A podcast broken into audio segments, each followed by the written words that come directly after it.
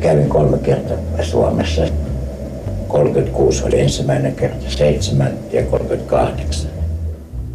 Och naturligtvis fanns det opportunister också i Finland. Det var ju också någonting att vara med i de här kretsarna med Himmler och, och träffa de här. Siinä kirjeenvaihdossa käsitys von Grönhagenista niin ei ole järjyvä. Er ist äh, unheimlich auf sich fixiert, er ist unheimlich, äh, er kann überhaupt nicht mit Autoritäten umgehen. Hur skulle den oskolade Yrje von Grönhagen klara sig som avdelningschef på det nazistiska institutet Ahnenerbe? Och vad hade naziledaren Heinrich Himmler för planer för sin finska gunstling? Du lyssnar till Svenska Yles poddserie Yrje von Grönhagen, den vita fyrern. Mitt namn är Petter Lindberg.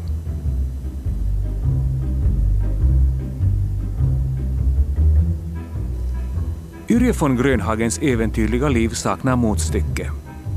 Grusade filmstjärnedrömmar i Paris blandas med äventyr i Tredje riket, våghalsiga flykter från Finland, fängelsevistelser och en vurm för mysticism och hemliga ordenssällskap.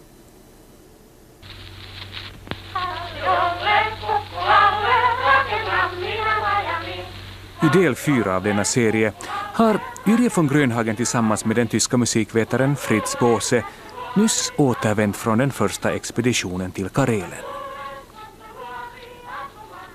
Resultatet har i januari 1937 presenterats för Heinrich Himmler som uttryckt sin belåtenhet över inspelningarna, fotografierna och inte minst kantelen som får honom att känna samhörighet med urbefolkningen i Norden. Er hat es nie gut gemacht. Aber er konnte es sehr gut verkaufen, was er da gemacht hat. Ur ett vetenskapligt perspektiv utföll inte resan särskilt väl, men Yrjö har förmågan att utmåla den som en framgång för Himmler som fascinerar lyssnare på hans utläggningar om runosångare, säger den tyska historikern Dirk Schuster. Er hätte es geschafft, irgendwelche Forschungsgelder in, mehreren, in einer Höhe von mehreren Millionen abzugreifen durch dieses Blendwerk, was er da aufgezogen hat. Yrjö lyckades med denna välkonstruerade och omsorgsfullt paketerade illusion om ett uråldrigt ariskt ursprung skaffa sig forskningsbidrag och ett visst renommé som Himmlers gunstling.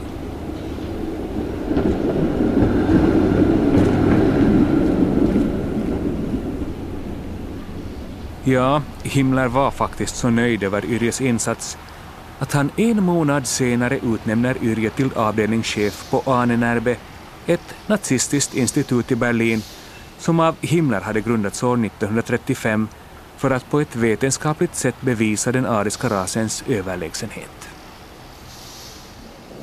Minä tulin siinä 37. Se oli tämä yksityinen pieni ja se oli oikein kodikas tuo kerros. Siellä sen ne aloittivat. Raupastrasse, joo, numero en muista, mutta se oli ihan pieni. Se oli yksi kerros vaan. Raupastrasse, minulla oli kaksi huonetta. Yksi työhuone ja toinen niin pikkumuseo.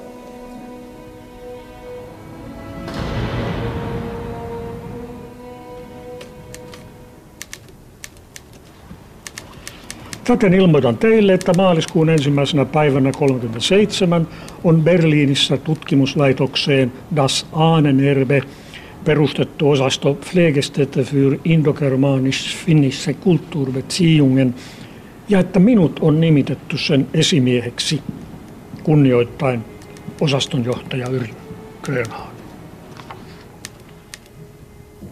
I ett skrytsamt brev daterat den 22 mars 1937 skriver Yrjö till utrikesministeriet i Finland att han tillträtt som avdelningschef på Ahnenerbe.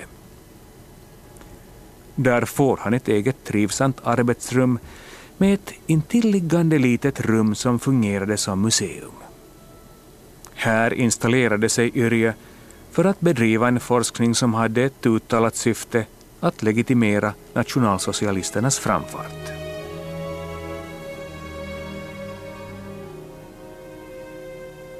Finnen und Russen wo ganz klar, da gibt es keine Gemeinsamkeiten, die Finnen sind schon immer der größte Feind der Russen, was ja im Nachhinein dann auch im Zweiten Weltkrieg eine Legitimierung war, auch von deutscher Seite, diese Massenmorde zu machen. Also Grönhagen var absoluta Tätertyp.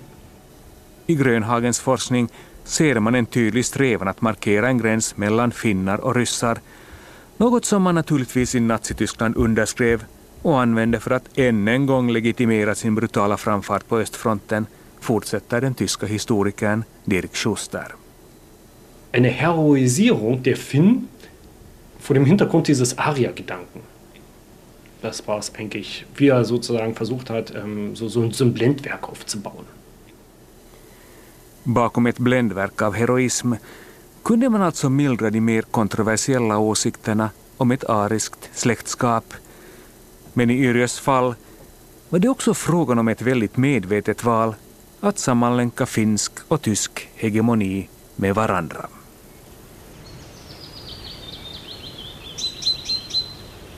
Men själv säger Yrje att han bedrev folklivsforskning och endast företog sig tre studieresor till Karelen. Minä suoritin silloin Ahnenerbeä varten kansatieteellisiä tutkimuksia kolmena kesänä. Etupäässä minä tutkin kansatiedettä materiaalia kerästä, ei muuta.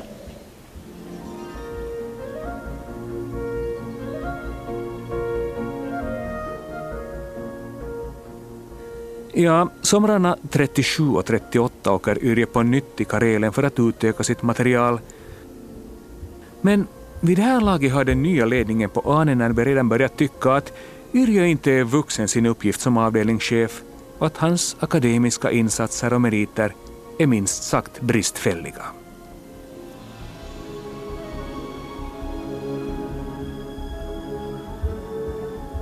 Alltså det fanns ju ett möte väldigt sent, 38, ett vetenskapligt möte inom Arnerbe med Walter Wüst. Och då blev eh, Jurje von Kriegen fråga, frågad om att, att han skulle nu klarlägga hans forskningsprojekt och vad han tänkte han göra med sin Pflegestätte, sin avdelning inom Arnerbe. Och då blev han riktigt uh, rättvisad av Wüst.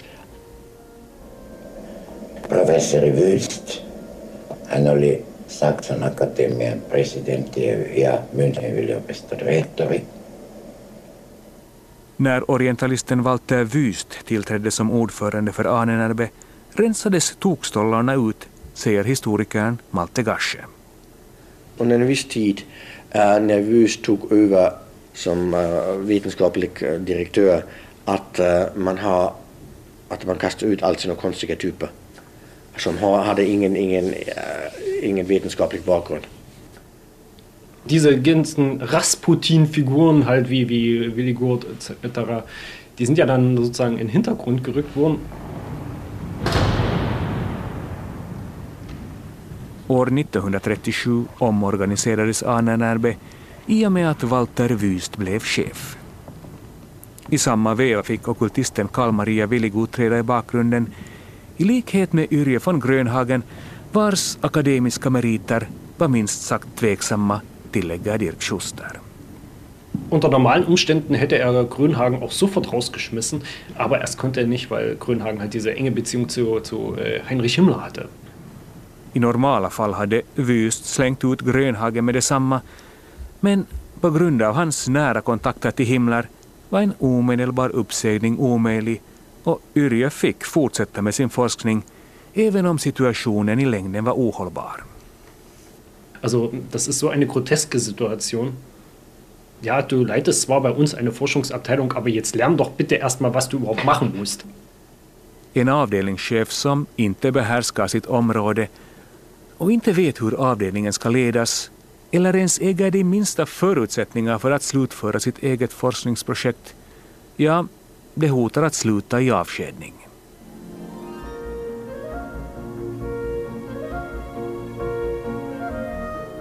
Den nya ledningens kritik verkar ändå inte ha stört Yrjö i någon högre grad, för han fortsatte med sina resor och sitt skrytsamma leverne tillsammans med sin tyskfödda hustru Herta von Grönhagen.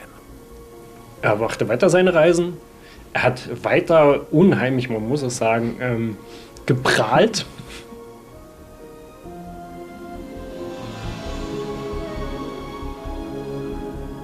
Himmler hatte auch Grönhagen verteidigt gegenüber der Kritik vom, vom Wüst. När kritiken växte kunde Yrje von Grönhagen ändå räkna med Himmlers stöd, säger germanisten Gerd Simon och får medhåll Dirk Schuster. Himmler hat sozusagen wirklich die schützende Hand über ihn gehalten.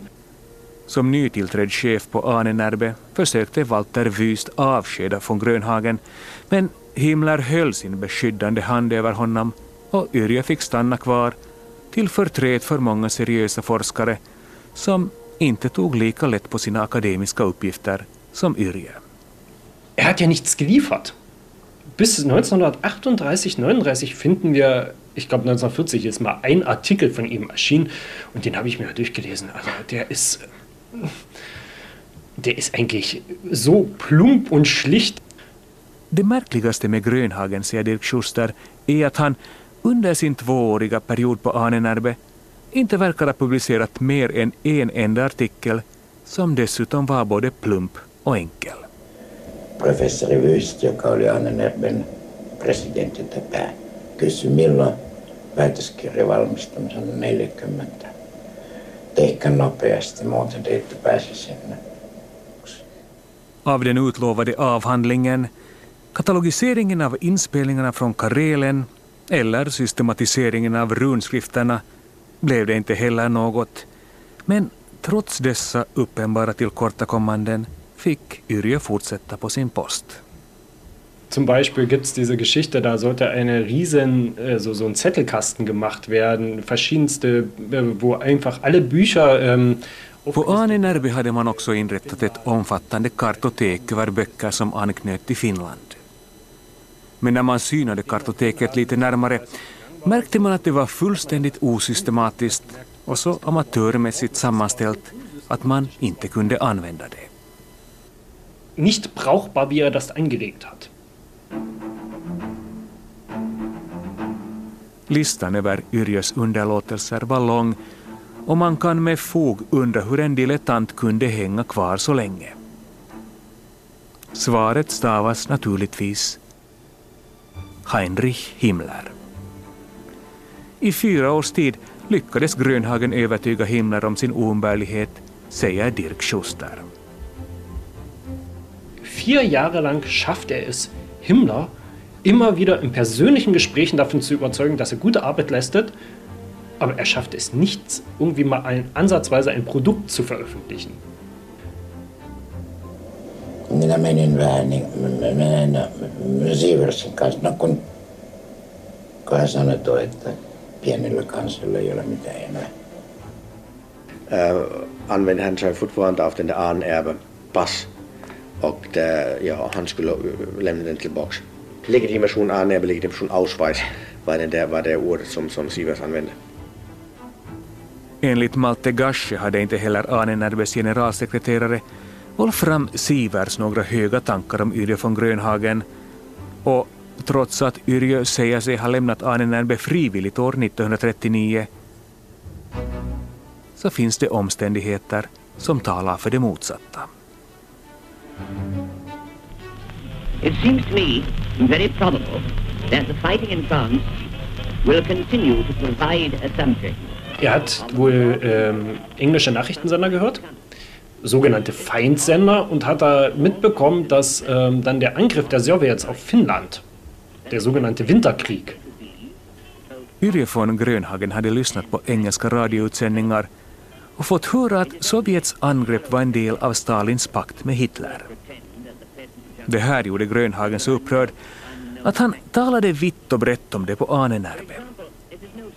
Du verlässt Deutschland in allen Ehren, du beendest nur deine Karriere, weil du dich in Finnland zur Armee äh, melden möchtest, oder du wirst ja angeklagt wegen äh, Zersetzung äh, und Hören von Feindsändern. På Anenärbe väckte von Grönhagens utspel irritation och man ställde honom inför ett val. Antingen återvänder du frivilligt till Finland eller sedan blir du anklagad för att sprida missämja och för att ha lyssnat på fiendens radioutsändningar vilket kan ge dig en fängelsedom på upp till två år.